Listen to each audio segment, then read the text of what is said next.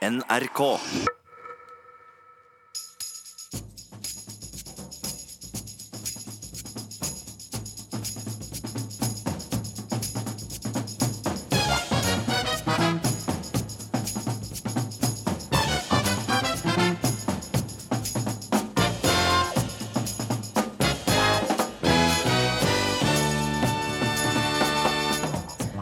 Solberg er fortsatt statsminister, men Sylvi Listhaug er ute av regjering. Og Sunnmøre er én minister fattigere. Når vi kommer ned på lokalpolitikken, så er Ørskog-bygderne stolt av at vi, er, vi har hatt en minister. Det har vært ei uke med mye drama i norsk politikk. Eller i stortingsbarnehagen, om du vil. Fra barnehagen til russetida. Det er bedre å være rik og frisk enn fattig og syk, skrev Jonas Gahr Støre på sitt russekort. Lite visste han at han 39 år seinere skulle bli konfrontert med det i VG. Er det flere politikere som nå blir nervøse?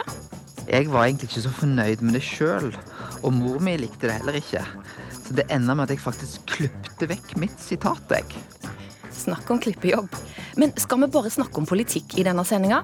Nei da. Vi skal slippe til en som faktisk samler landet i pur glede. Og i dette øyeblikk er Ragnhild Haga fra Åsen og Romerike olympisk mester på 10 km intervallstart!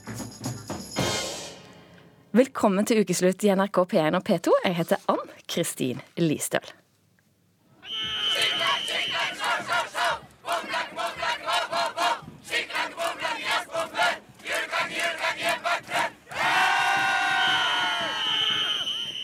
Det er et vårtegn. Russelyden. Det er snart vår og russetid, og mange russ har for lengst bestemt seg for hva som skal stå på russekortet som de skal dele ut. Men så var det jo dette 39 år gamle russekortet da, som har fått mye oppmerksomhet denne uka. Som Støre hadde på sitt russekort, det er bedre å være rik og frisk enn fattig og syk som VG fortalte om. Og Støre ønsker ikke å kommentere saken ytterligere, men han sa jo i et sitat til VG at det stemmer at dette var mitt russekort i 1979. Dette var dårlig russehumor. Det er heldigvis 39 år siden. Brynja Meling, du er advokat og samfunnsdebattant. Du skrev faktisk på Twitter Kjære Gud, alt vi skal stå til ansvar for på dommens dag. Håper aldri noen finner mitt russekort. Hvorfor er du så kritisk til VG? Jeg syns dette var eh, helt unødvendig journalistikk, og det var helt unødvendig av Støre å beklage dette her. Her er, driver VG russeavis istedenfor å drive en seriøs avis med å dra opp det kortet. For det første er det vanskelig å være uenig med Støre. Jeg tror det er veldig få som syns det er bedre å være fattig og syk enn å være rik og, og frisk. Eh, for det andre så var Støre en helt annen posisjon den gang da. Eh, han, og han var vel, så vidt jeg vet, også borgerlig anlagt rent politisk. Og jeg syns dette var et herlig selvironisk russekort, som på langt nær han skal slippe å ta avstand fra nå 39 år senere. Og jeg syns det er tullete av VG å drive journalistikk på det nivået her og hive bensin på bålet med, å, med, med å, å, kjøre dette som en sak. For dette er en ikke-sak. Dette har ingenting med Støre som statsminister å gjøre. Og det er helt utrolig at VG bruker spalteplass, eh, hvis det heter det fortsatt, på en sånn sak nå i dag. Du skal få snakke mer etterpå, men dette var litt av en tirade. Eirik Mosveen, politisk journalist i VG, det var du som skrev saken. Er du russeredaktør, du, da? Ja, det får, um, det får vise seg. Men jeg hadde egentlig tenkt å komme hit og si at uh, dette her var ikke en så veldig stor sak, og kanskje ikke så mye å bry seg om, og prøve å uh, ta det litt ned, men uh, Hvorfor skrev du den, da? Nei, men jeg blir jo litt forvirra. Jeg blir jo litt forvirra, da. Når det er liksom hovedsaken er russekortene i NRKs ukeslutt, og da tenker jeg liksom hva er det lytterne til NRK har gjort galt som gjør at de skal ha det som den viktigste saken i uka. For det var den ikke helt fra min side ment, og vi hadde den aldri som toppoppslag. Men jeg tror nok jeg vil si at eh, noe av reaksjonen vi har fått, inkludert fra Meling, eh, tror jeg nok tyder på at vi i VG, da, og meg også, ikke helt traff med den saken. For den var nok ment som en uhøytidelig sak. Så vi har en viss tradisjon for å skrive om politiske hendelser, og så har vi litt moro av å skrive dem på en helt sånn alvorlig måte. Og så pleier det som regel gjennom teksten å fremgå at det nok er et litt skrått blikk. Og på en eller annen måte så skjedde ikke det helt denne gangen. Så, og på de reaksjonene jeg har fått tilbake på e-poster og sånn, så tror jeg nok at vi kanskje burde ha gjort det litt smartere enn det vi gjorde, eller det jeg gjorde. Meling, hører du en litt uh, Ja, altså, jeg har jo veldig, veldig sans for angrende syndere. Jeg, sånn at eh, hvis Ikke det var overdriv nå, Meling. Nei, hvis det var et forsøk på å være satirisk, så, var det veldig, eh, så, så bør det nok gå i skole på de som eh, de som driver med den type satire, fordi at i dette tilfellet så, så opplevdes det og jeg, Det er derfor jeg går ut, fordi at jeg er langt fra noen Arbeiderpartimann, har aldri vært det. Jeg er langt fra noen Støre-tilhenger. Men jeg syns at VG må være sitt ansvar bevisst med å ikke hive bensin på bålet i det som nå er en veldig polarisering en veldig sånn personifisering, hvor, hvor da Sylvi på den ene siden eh, kjøres fram, og, og, og Støre på den andre siden, og i hvert fall i de sosiale mediene kjøres ned, og kjøres en veldig kamp mot han. Det tåler sikkert Støre, jeg er ikke hans forsvarer, men jeg tenker at VG som et eh, seriøst samfunnsorgan, som jeg har setter stor pris på å lese hver dag, eh, bør holde seg for god til det. Man kan gjerne ha satire, men da må det være bedre satire, sånn at folk skjønner at dette er eh, både ironisk ment og skrevet med både glimt i øyet og med litt varme. Men Meling, han sier jo da at han kanskje bomma litt på noe her. Men eh, hvis han da hadde hatt inn litt mer satire her, da, hadde det da vært greit at han hadde denne saken? Helt åpenbart. Og det er jo det som jeg opplever eh, opplever russekortet som. Litt, eh, litt selvironisk. Altså fordi at han er jo sannsynligvis født med en sølvskje i munnen og, og, og på en måte har vært en av de hva skal si, rike gutta i klassen. Og da å tørre å skrive noe sånt, det, det viser jo både at han ikke tar seg selv spesielt høytidelig, og er litt eh, hva skal jeg si, et skråblikk på, på egen situasjon både i samfunnslaget og, og på en måte sannsynligvis i vennegjengen. Og Derfor så syns jeg dette dette ble helt feil vinkla og kom helt feil ut. og Jeg syns det er greit at eh, VG nå på en måte presiserer at dette var ment mer som en skråblikksak. Men eh, Mosven, da. ok, De fleste er vel enige om at det faktisk er bedre å være rik og frisk enn fattig og syk. Sånn helt objektivt faktamessig så er det kanskje en fordel. Men hva er det som gjør at du mener at dette her var en viktig sak? Jeg har ikke sagt at det er en eh, viktig sak. Men altså stopp på Men- trykket VG men- er vel viktig? Nei, det er det ikke. Eh, Vi gjør unntak av og til. Eh, Men jeg tror nok det er eh, Jeg tror nok man må se eh, Jeg, jeg har en viss sånn ømfintlighet for det den sier om et Arbeiderparti-hat og sånn, og at eh, timingen da kanskje ikke var den ideelle, og at det ble lest inn i en sånn sammenheng. Det burde vi sørga for å presentere på en måte at i, i tilfelle ikke skjedde. På den annen side så er det sånn at eh, jeg tror nok det russekortet og teksten i det russekortet uh, henspeiler Det er et alvor der også, uh, som jeg tror Meling misser litt. Uh, jeg tror Støre er i en politisk situasjon i dag hvor han har et ganske betydelig troverdighetsproblem. Han har sånn 2-23% på meningsmålingene. Han tapte det første stortingsvalget han stilte opp i. Og en av grunnene til at han har et troverdighetsproblem, er jo at han både internt i eget parti og i samfunnet, er at han jo ikke fremstår for mange som en helt troverdig leder av Norske Arbeiderparti. Og En av grunnene til det er at han var høyremann gjennom hele 80-tallet, og at han måtte langt opp i 30-årene før han fant grunn til å melde seg inn i Arbeiderpartiet, eh, og det som han nå er leder for.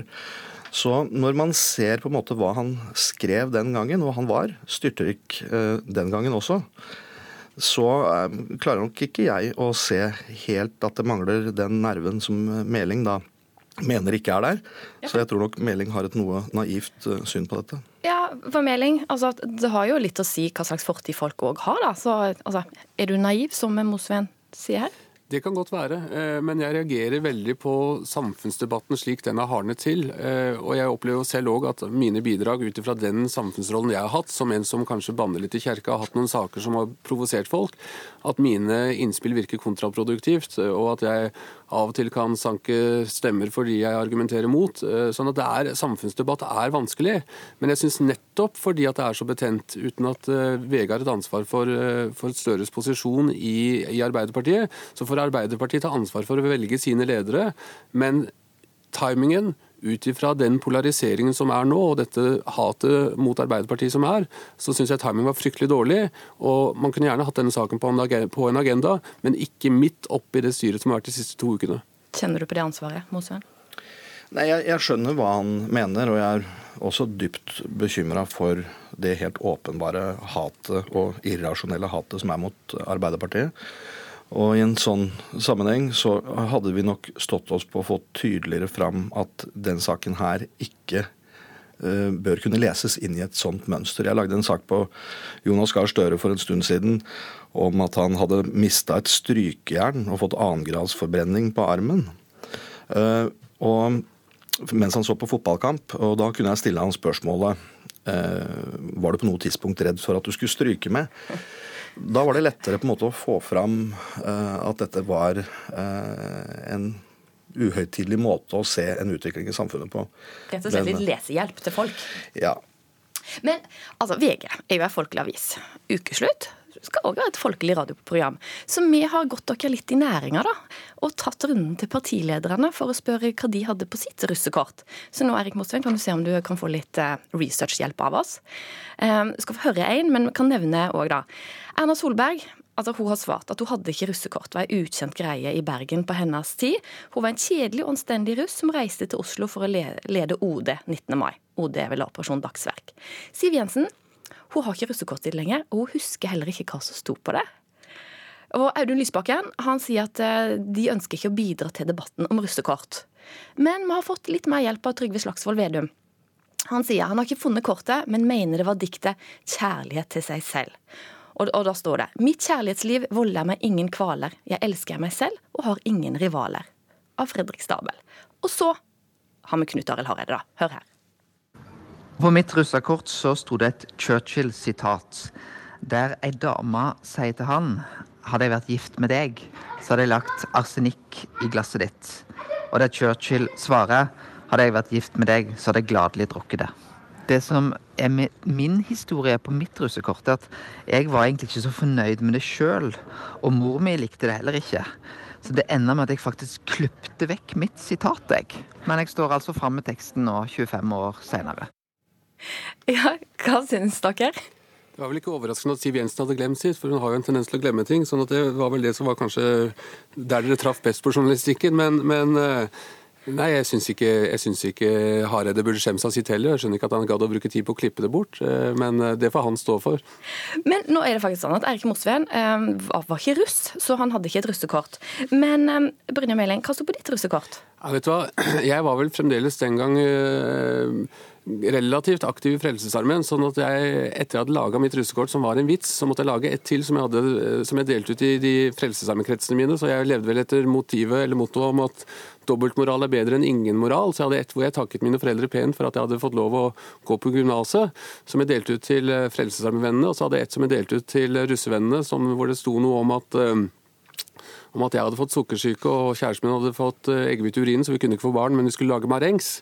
Eh, og det var vel et eksempel på plump eh, russehumor som, som sikkert kunne ha blitt brukt mot meg hvis jeg hadde tenkt meg en politisk karriere. Du smiler, Mosveen? Ja. nei, jeg syns han er inne på at moral er vel og bra, men dobbeltmoral er dobbelt så bra. Melding. Og sånn er det jo ofte i livet. Helt til slutt her, eh, Meling. Kan du gi eh, Mosveen et russegodt, eller? Ja, det, det, bør han jo få. og ut ifra, nå, nå, var Fredrik Stabel nevnt, men jeg ville vel anbefalt han et Pete Heinz-sitat om at den som kun tar spøk for spøk og alvor kun alvorlig, han og hun har faktisk fattet begge deler like dårlig. Det hadde vel vært et godt utgangspunkt for eh, neste sak. Tar til meg det, Brynjar. Eirik Mosveen fra VG, politisk reporter, takk for at du var med her i Ukeslutt, og det samme til deg, Brynjar Meling. Etter ei uke med uheldige Facebook-innlegg, blomsteraksjon og pengeinnsamling, så satte Sylvi Listhaug partiet foran seg sjøl og gikk av som justisminister. Ukeslutts reporter han har dratt til Listhaug sitt hjemsted for å sjekke hva grasrota der syns om avgangen. Snu her, for nå har vi kommet inn til eh, gården, der Sylvi kommer ifra. Jeg befinner meg på et grått og vått Sunnmøre nærmere bestemt på Sjøholt i Ørskog kommune, en liten time unna Ålesund. Guiden min på denne turen er Reidun Klokk Kjærvåg. Hun har tatt meg med for å se på barndomshjemmet til ukas mest omtalte person. Eks-justisminister Sylvi Listhaug. Et fint, hvitt gårdshus og et fint tun med røde driftsbygninger. Så her er det fint, og her er det trivelig, og her er, bor det gode folk. Tirsdag morgen tror alle at Stortinget skal stemme over et mistillitsforslag mot justisminister Listhaug, og det er knyttet stor spenning til hva som vil bli Erna Solbergs mottrekk. Vil vi få en regjeringskrise? Jeg vil gjøre det som er riktig for Fremskrittspartiet. Men bare to timer før Stortingets votering tar Listhaug regien selv. Jeg vil gjøre det som er riktig for ytringsfriheten i Norge, som jeg fremdeles skal kjempe for. Derfor går jeg av. Det har vært en helt surrealistisk uke. Der et eh, Facebook-innlegg som er beklaga, har omgjort norsk politikk til en barnehage.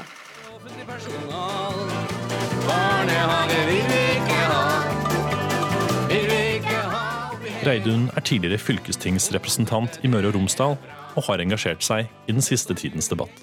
Jeg uh, syns det var NM i sverting eh, av eh, Sylvi Listhaug. Jeg syns det gikk over stokk og stein. I en kronikk i Sunnmørsposten peker hun på det hun mener er en dobbeltmoral i norsk offentlighet. Hjemme hos henne forteller hun hva hun mener. Og jeg oppdager at det er to standarder. Når det hun bruker sterke uttrykk, som f.eks. monster om barnemishandlere, da ble det et ramaskrik i presse og blant politiske motstandere. Mens de som, den samme pressa og de samme politiske motstanderne står fritt til å kalle henne de verste ting. Mange bruker jo ord som uh, heltinne eller martyr når de uh, omtaler Sylvi Listhaug. Er det ord du kunne finne på å bruke om henne, eller? På ingen måte. Jeg kunne heller ikke tenke meg å bruke de andre ordene som blir brukt på henne som karakteristikk, som djevel og nazi og fascist og alle disse tinga. Hun er ingen av de tinga. Sylvi er en dyktig politiker, ei dame med bein i nesen, og hun er ei jordnær bondejente fra Sunnmøre med kristne verdier. Og hun er ei som vi føler vi kan stole på. På Systra kafé finner jeg Reidar Oppsal. Han er redaktør i lokalavisa og vet hvilken posisjon Listhaug har her i bygda. Vi sunnmøringer liker folk som, som snakker fra levra. Her er det folk av alle slag, selvfølgelig. Fortsatt mye Frp her, men, eh, men, men det er mangesidig også politisk. Så, slik som resten av landet. Uavhengig av hva hun politisk står for, da, så ser de på henne som en heltinne det at hun tør å stå opp eh, i en veldig tøff offentlig eh, debatt. Åpner du munnen, så får du så, det, så ørene flagrer i alle retninger. Når vi kommer ned på lokalpolitikken, så er Ørskog-bygderne stolt av at vi, er, vi har hatt en minister. Men på gata er det delte meninger. Jeg syns det er veldig trist hele alt som skjedde. Og jeg syns det er veldig trist når noen ber om unnskyldning for at noe ble misforstått når det ikke var det som var intensjonen. Jeg syns hun er veldig uskikka til å være statsråd, rett og slett. Det er, retorikken er feil, hun nører opp om fremmedhat og fremmedfrykt, og det trenger vi ikke. Det er ei dame som har bein i nesa og sier det hun mener, og går ikke under bordet. Jeg har hatt henne litt i vrangstrupa fra enkelte uttalelser hun har hatt tidligere. Men jeg husker bare jeg tenkte nå er du helt på bærtur. Jeg tråkker gjennom Sjøholt og kommer forbi Elveklubben. En møteplass hvor folk drikker kaffe og diskuterer det aller meste.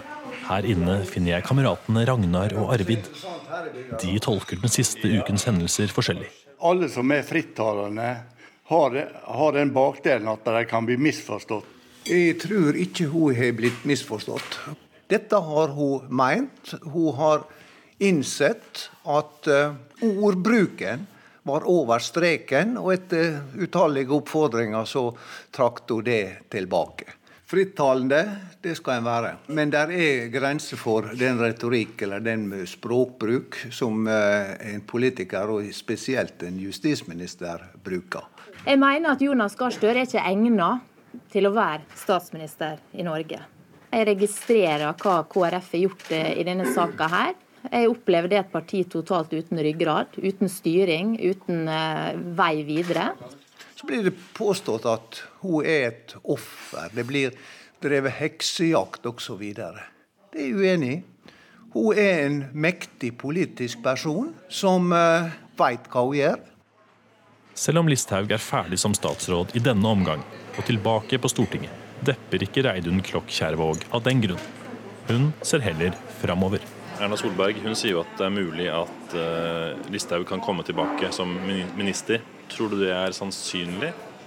Ja, det tror jeg, og det var nå også opposisjonen villig til. Det de ville hun skulle trekke seg fra. Det var nå posten som justisminister. Jeg tror at det, mulighetene er så mange. Hun er veldig dyktig. Det var ukesluttsreporter Andreas Hagen Håkonsen som har vært på Sunnmøre. Og her i studio sitter faktisk en Emmy-vinner. Det er du, Gjermund Stenberg Eriksen. Du er her i kraft av å være serieskaper og da av TV-serien Mammon. Du er ganske god på drama. Og Har du skrevet noe som helst i din karriere som kan toppe dette politiske dramaet vi har vært vitne til denne uka? Nei, det er vanskelig å si ja til på i norske forhold. Det var vel ganske stort etter krigen, dette. Og så de ble, nådde de ut internasjonalt med at det hele startet med en Facebook-post. Så den hadde jeg ikke funnet på, nei. Og for de som lytter til P13, så har de kanskje hørt deg der. For hver uke, hver fredag, så sammenligner du amerikansk og norsk politikk der. Med TV-serier. Ja, ja, med TV-serier. sant? Og nå er vi inne i virkeligheten. Mm. På hva slags måte klarte vi å bli amerikanisert denne uka? Det er Noe av det viktigste for å få til en god politisk TV-serie, er at det må være personlig før det begynner å handle om politikk. Altså Du må være engasjert i dem, dem det rammer. Og her rammer det både personlig, privat og profesjonelt. Eh, og derfor er det veldig godt egna. Så har det jo det ved seg at eh, det har eh, en god, gammel gresk driver i bunn. Som er en hybrisfortelling. Og hva er det? Nei, Det er jo at man har overmot. Hun posta en Facebook-post, og hun hadde ikke tenkt å gå av ti dager senere. Og det er med andre ord hun, over, hun hadde overtro på hva hun kunne slippe unna med. Og så er vi jo mange som er uenig i alt i denne saken, som gjør at det blir ekstra godt drama. Det blir tvetydig. Noen er for at hun gikk av, noen er imot. Eh, sant, og splitte landet. Ja. Men så eh, kommer jo hun og sier unnskyld. sant? Måtte ta en del forsøk på Stortingets talerstol. Den hadde ikke jeg vel slippa unna med manusmessig. Og, så går hun opp for fjerde gang. Men hun sier tross alt unnskyld. Og Ja. så, sant? Men så er det jo da veldig mange i opposisjonen som inntar sine roller og ikke godtar dette her. Altså, For å få et godt drama må du ha ganske mange karakterer. Så hvem er det som har eh, utgjort viktige roller her? På hovedrollesida så hadde jeg vel eh, selvsagt med Sylvi. Og så måtte Jonas med. Og så syns jeg Knut Arild eh, selvsagt bør også være der. Og Erna Solberg på hovedrolle. Og så er det mange spennende biroller.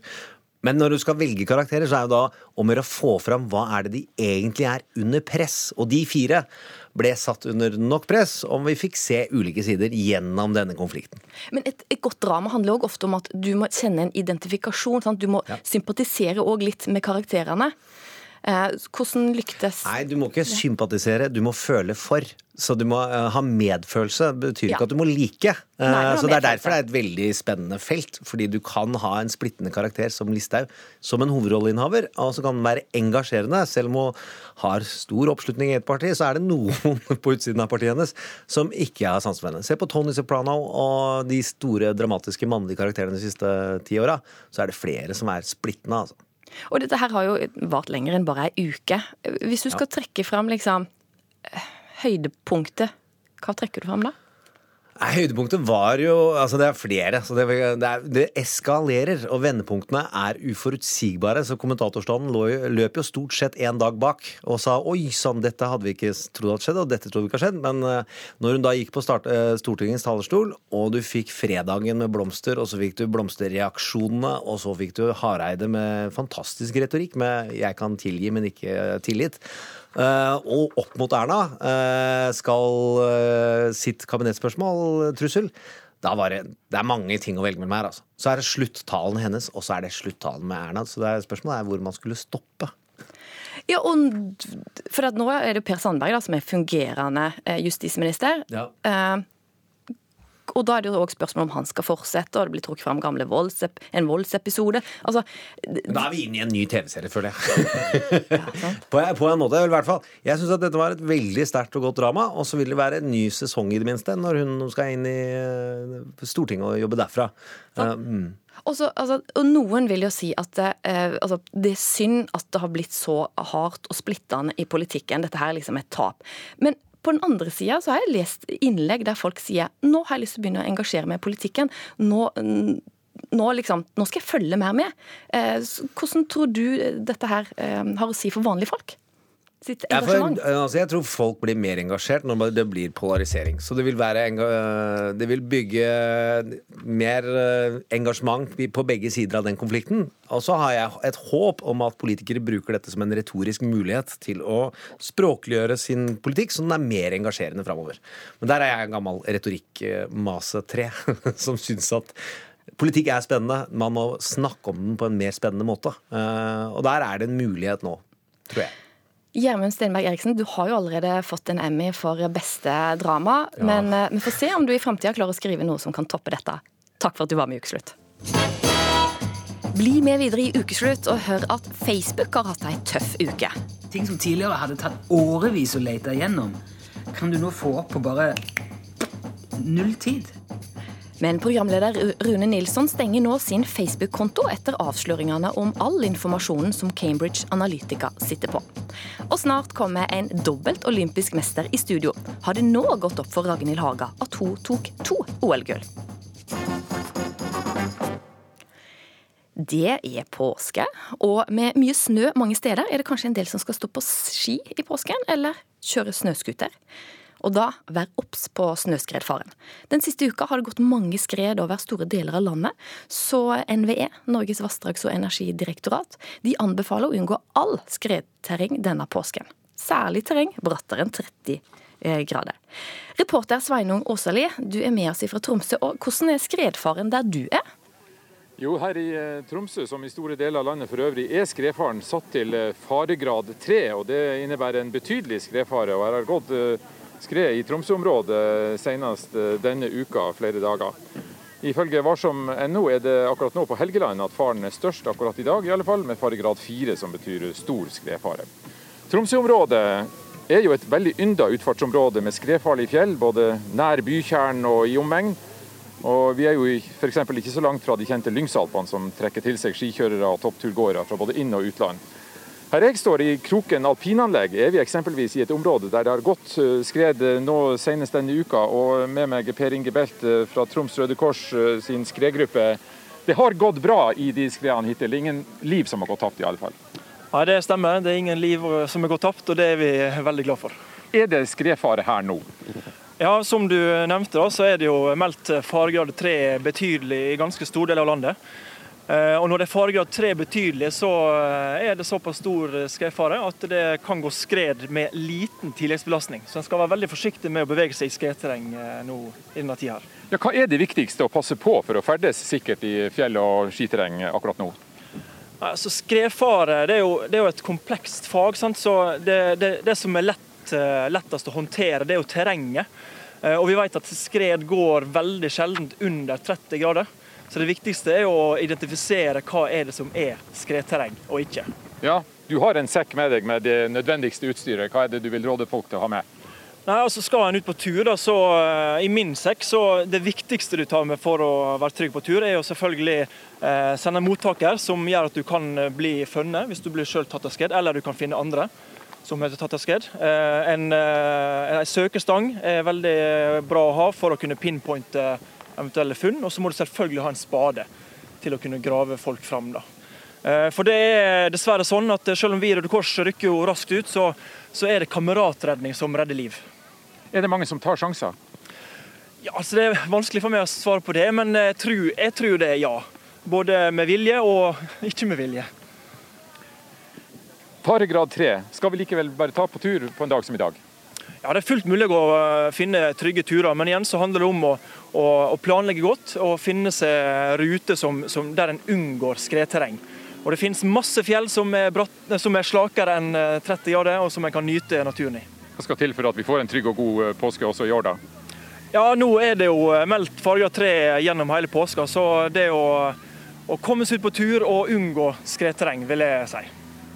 Det var Per Inge Belt i eh, Tromsø Røde Kors sin eh, skredgruppe, som eh, er en av mange som er i full beredskap hele påsken igjennom.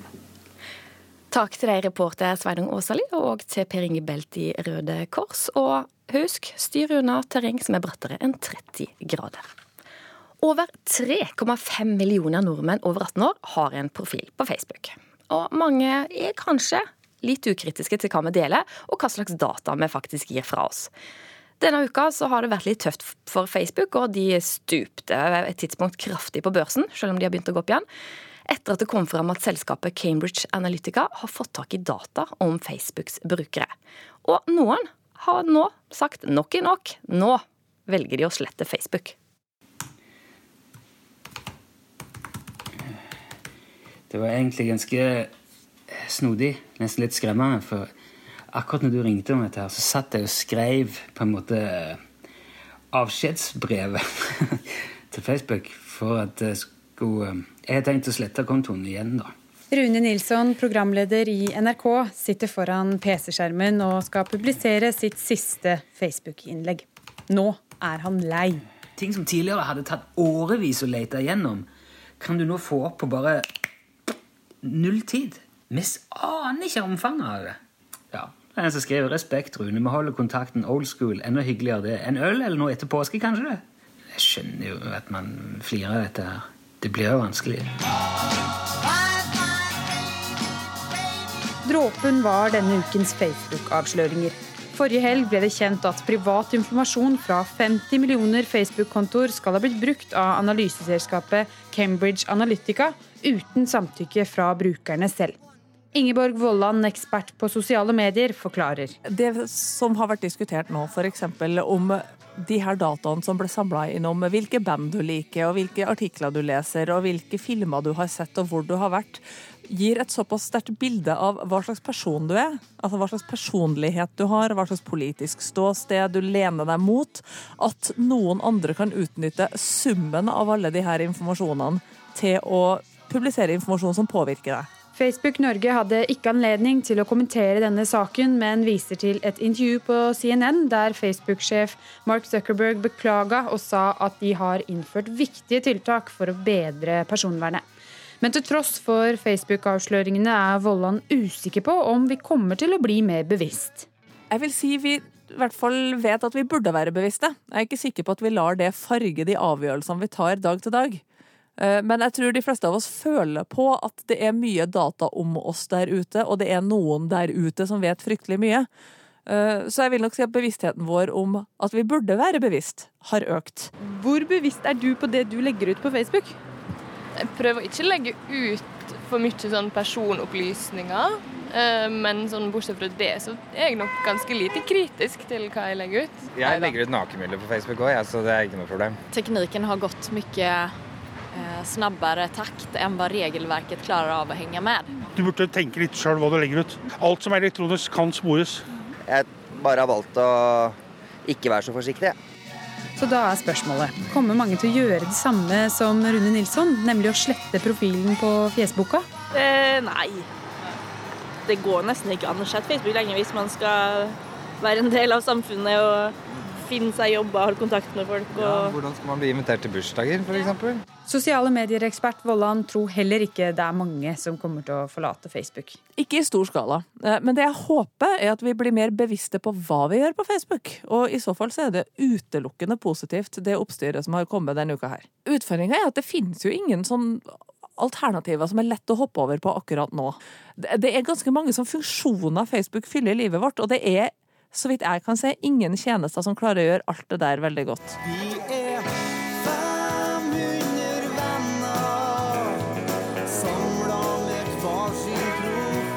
Omtrent 500 venner har nå mista Rune Nilsson som venn på Facebook.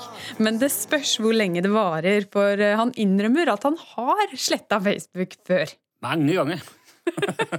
det er lett. Hva, hvor lang tid går det nå da, før du er tilbake? Nei, eh, men nå er det Altså, før så har jeg sletta Facebook fordi at jeg syns det har vært en tidstyv og det har tatt for mye oppmerksomhet. Men hva tenker du å gjøre nå da, for å være like med i det sosiale? Det fordrer at jeg eh, vekker opp en del sånne gamle sosiale muskler. da. Jeg må begynne å ringe til folk. Jeg må begynne å sende mer e-poster til folk. Altså aktivt oppsøke folk. Jeg må gjøre avtaler.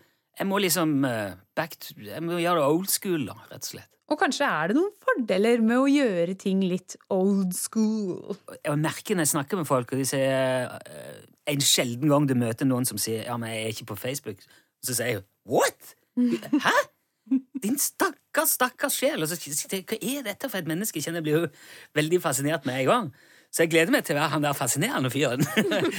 Så jeg skal bli det naturlige sosiale midtpunktet i virkeligheten. Da. Det gleder jeg meg til.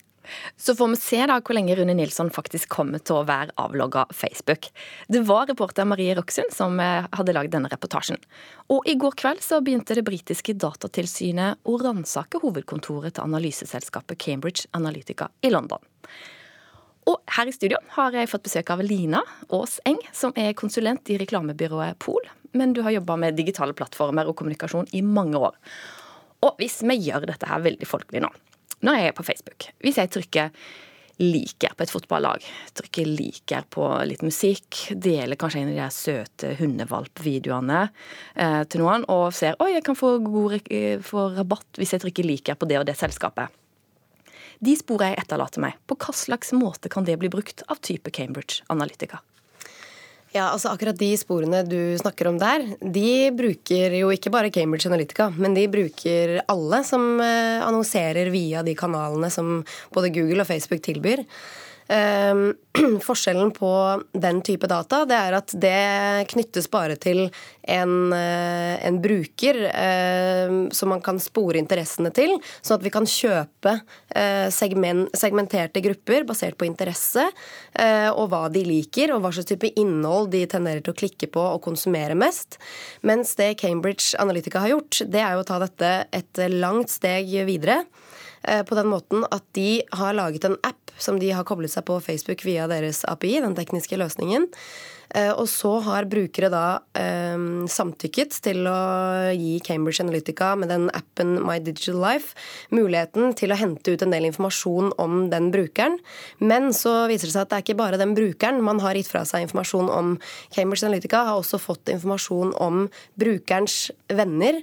Men det er også mulig i disse appene, eller var da i 2013-2014, da dette var veldig stort, så kan du hente ut informasjon om den brukeren som samtykker.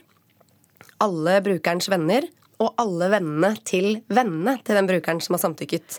Og dermed har du raskt mulighet til å kartlegge ekstremt mange, ikke bare på et sånt interessenivå, men helt ned på hvem det er, person, eh, navn, telefonnummer, e-post, adresse, alt du måtte ha lagt igjen. Eh, og da kan du begynne å segmentere oppå det igjen. Eh, og når du da setter det inn i en politisk kontekst, og kanskje har en rigg med eh, alternative nyhetssteder som du kan feede innhold fra, og segmentere rundt, så begynner dette å bli ganske voldsomt. Og, og, det har jo vært sånn sagt at dette selskapet også ble brukt i forbindelse med den amerikanske valgkampen, og Donald Trump ble brukt i den valgkampen. Men på hva slags måte kan denne informasjonen som vi gir fra oss, da, bli brukt til at vi får reklame mot oss som gjør at vi blir påvirka? Det er jo Eh, mange måter å gjøre det på, eh, og det gjør man jo hele tiden. Og det er jo ikke sånn at Trump-kampanjen er eneste, det eneste politiske valget som har, vært, eh, som har brukt Facebook sine annonseringsmuligheter flittig. Det som jo er forskjellen på den Cambridge-dataen og det man vanligvis gjør, er som sagt at man har dette på personnivå, og at det gir muligheten å trekke ut lister med faktisk navn og adresse, og man kan jo i ytterste konsekvens oppsøke de hjemme. Mens det man vanligvis gjør, er jo å spisse budskap mot ulike grupper, eh, slik at du kanskje ønsker å benytte ulike politiske virkemidler, gitt hva slags type folk du snakker til. Eh, og det kan være helt legitimt, men jeg tror det er viktig at folk eh, uansett reflekterer litt over at det er hverdagen i digitale kanaler. Det er at budskapet du får servert, er skreddersydd på ulike måter. Og det kan være fint å tenke over, både når du får budskap spesielt kanskje fra politiske partier, men også fra andre annonsører som benytter samme annonseringsmuligheter. Og så er det sånn at Facebook-bruken er litt ulik. De eldre deler ganske mye og bruker den feeden aktivt, mens de yngre de bruker ikke den så mye. De er mye mer i chatten. På hva slags måte har dette noe å si?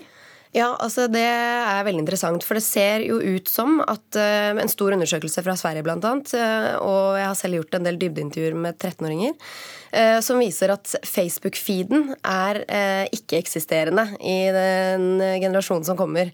Og Det betyr at man går fra liksom en sånn open web-løsning til inn i lukka apper.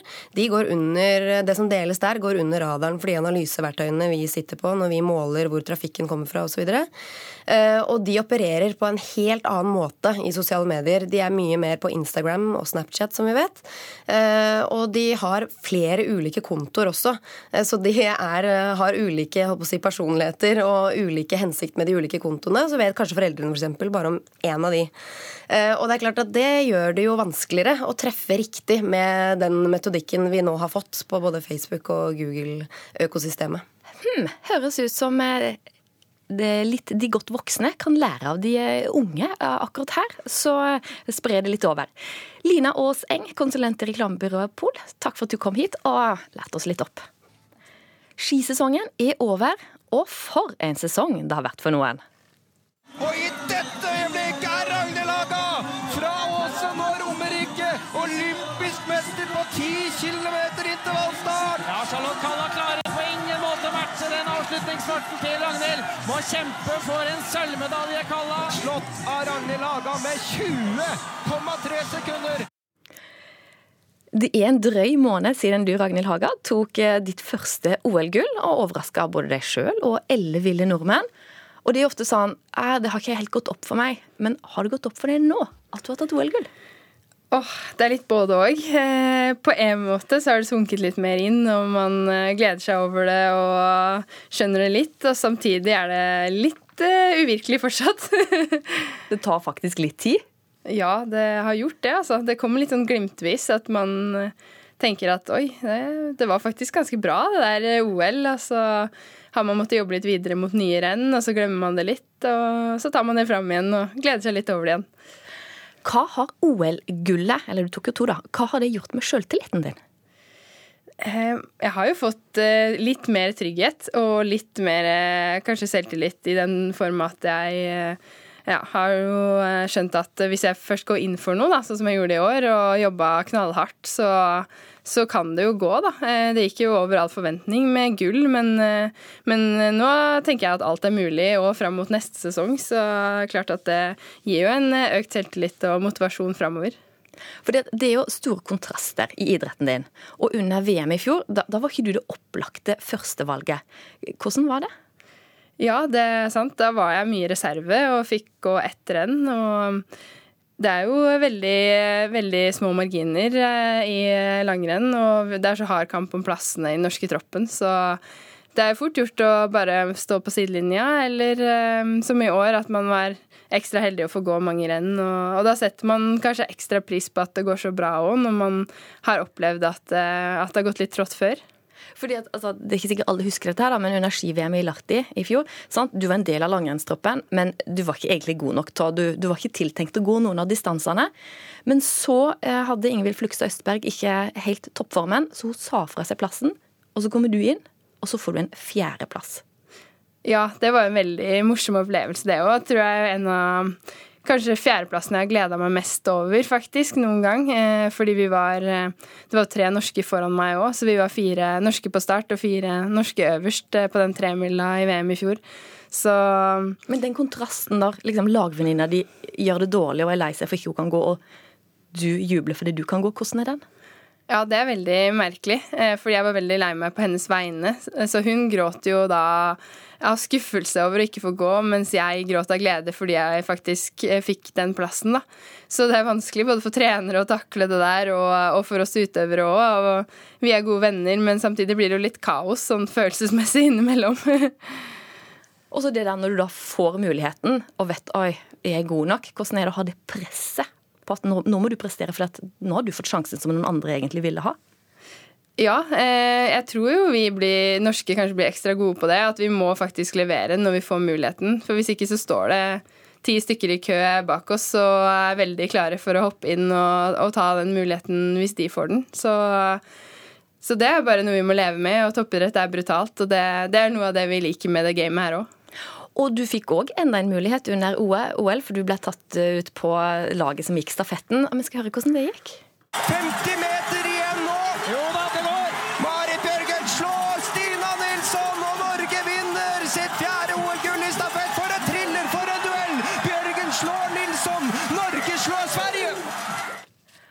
jeg får frysninger. Får du? Ja, jeg får fortsatt frysninger av å høre det. For det var jo litt av et drama. Du henta faktisk i nesten 30 sekunder eh, og ga stafettpinnen videre til Marit Bjørgen, som så ender opp med å ta et gull. Hvordan er det når du da egentlig har vært litt ukjent, og plutselig står der på pallen sammen med liksom tidenes etter hvert vinterolympier Marit Bjørgen? Og de andre, da. Ja, jeg, jeg følte meg kjempeheldig, for det var første gang jeg fikk lov til å gå på stafettlaget i mesterskap. og og med de andre jentene, og, ja, og at det endte så godt, da, eh, med at Marit klarte å slå Stina på slutten. For det var jo Det kunne fort eh, ja, altså Vi hadde jo vært fornøyd med sølv òg, men, eh, men, det er klart det er jo ekstra gøy å stå øverst. Så det var veldig spesielt når det skjedde på den måten at det ble så spennende òg. Så setter man så stor pris på det. og og glede, vi gleda oss så sammen, da, alle fire jentene. Og nå sitter jo ganske mange her i landet og lurer på skal Marit Bjørgen fortsette. Og hun skal bruke påsken på å bestemme seg. Hvis hun nå eh, ikke fortsetter, hva er det som forsvinner ut av eh, landslaget da? Jeg håper jo selvfølgelig at hun fortsetter, eh, men eh, vi må ha respekt for eh, at hun Ja, hun må få holde på for så lenge hun er motivert, tenker jeg. Men hun er jo tryggheten sjøl. Hun er jo mor, mora vår på laget, og jeg dilta jo etter henne hele etter tikilometeren til pressekonferanse og diverse som hun visste mye bedre enn meg, så nei, det, det er veldig trygt og godt å ha henne med. Hva betyr hun for deg? Hun er en veldig, veldig hyggelig person og veldig sympatisk og, og, gir mange gode råd. Så hun betyr mye både for meg og resten av laget. Og Hva er det beste rådet du har fått av henne? Akkurat nå, siste rådet jeg har fått, er i hvert fall at ta det med ro i påska. Ta det med ro i april. Slapp av nå. Ikke tren for mye. det høres veldig bra ut. Og du, hvis du er spent på påskeværet, så skal vi slippe til statsmeteorolog Jon Smith nå. Ja da, det er i hvert fall for i dag og for i morgen. Vi kan begynne på Spitsbergen, vi, hvor det blir nordlig liten til stiv kuling og oppholdsvær for det meste. Noen spredte snøbyger i nord. Snøbyger også på kysten av Finnmark og Troms. Søndag så kommer det også snøbyger noe lenger inn i landet. og Det blir nordlig periodisk liten til stiv kuling ute på kysten. Så skal vi til Nordland, som får oppholdsvær i dag, men snø i de sørlige områdene. Og søndag blir det lettere vær i sør, men da kommer det inn noen snøbyger antageligvis på kysten i nord. Og ja, stort sett nordøstlig opp i en liten til stiv kuling, med litt skiftende vindretning på Helgeland i dag. Så blir det sørvest opp i sterk kuling på kysten av Trøndelag og Møre og Romsdal. Periodevis eh, litt eh, regn med snø i fjellområdene. Søndag blir det etter hvert nordøst liten til stiv kuling på kysten. og Da går det over til bygevær, og snøgrensen synker en del. Litt regn av og til på Vestlandet sør for Stad, med snø i fjellet. og Det fortsetter også med noen byger i morgen, men da blir det lavere snøgrense. og Det blir opp i stiv kuling på kysten i nord. I fjellet av og til litt snø eller snøbyger i de vestlige og nordlige områdene. Ellers oppholdsvær, opp i frisk bris fra vest til sørvest. Og så blir det oppholdsvær østafjells. Perioder med sol også, men særlig i sørøst kan det være enkelte tåkeskyer. Ansvarlig for denne sendinga har vært Jarand Ree Mikkelsen. Teknisk ansvarlig Marianne Myrhold. Jeg heter Ann Kristin Listøl, og vi i Ukeslutt-redaksjonen sier god påske.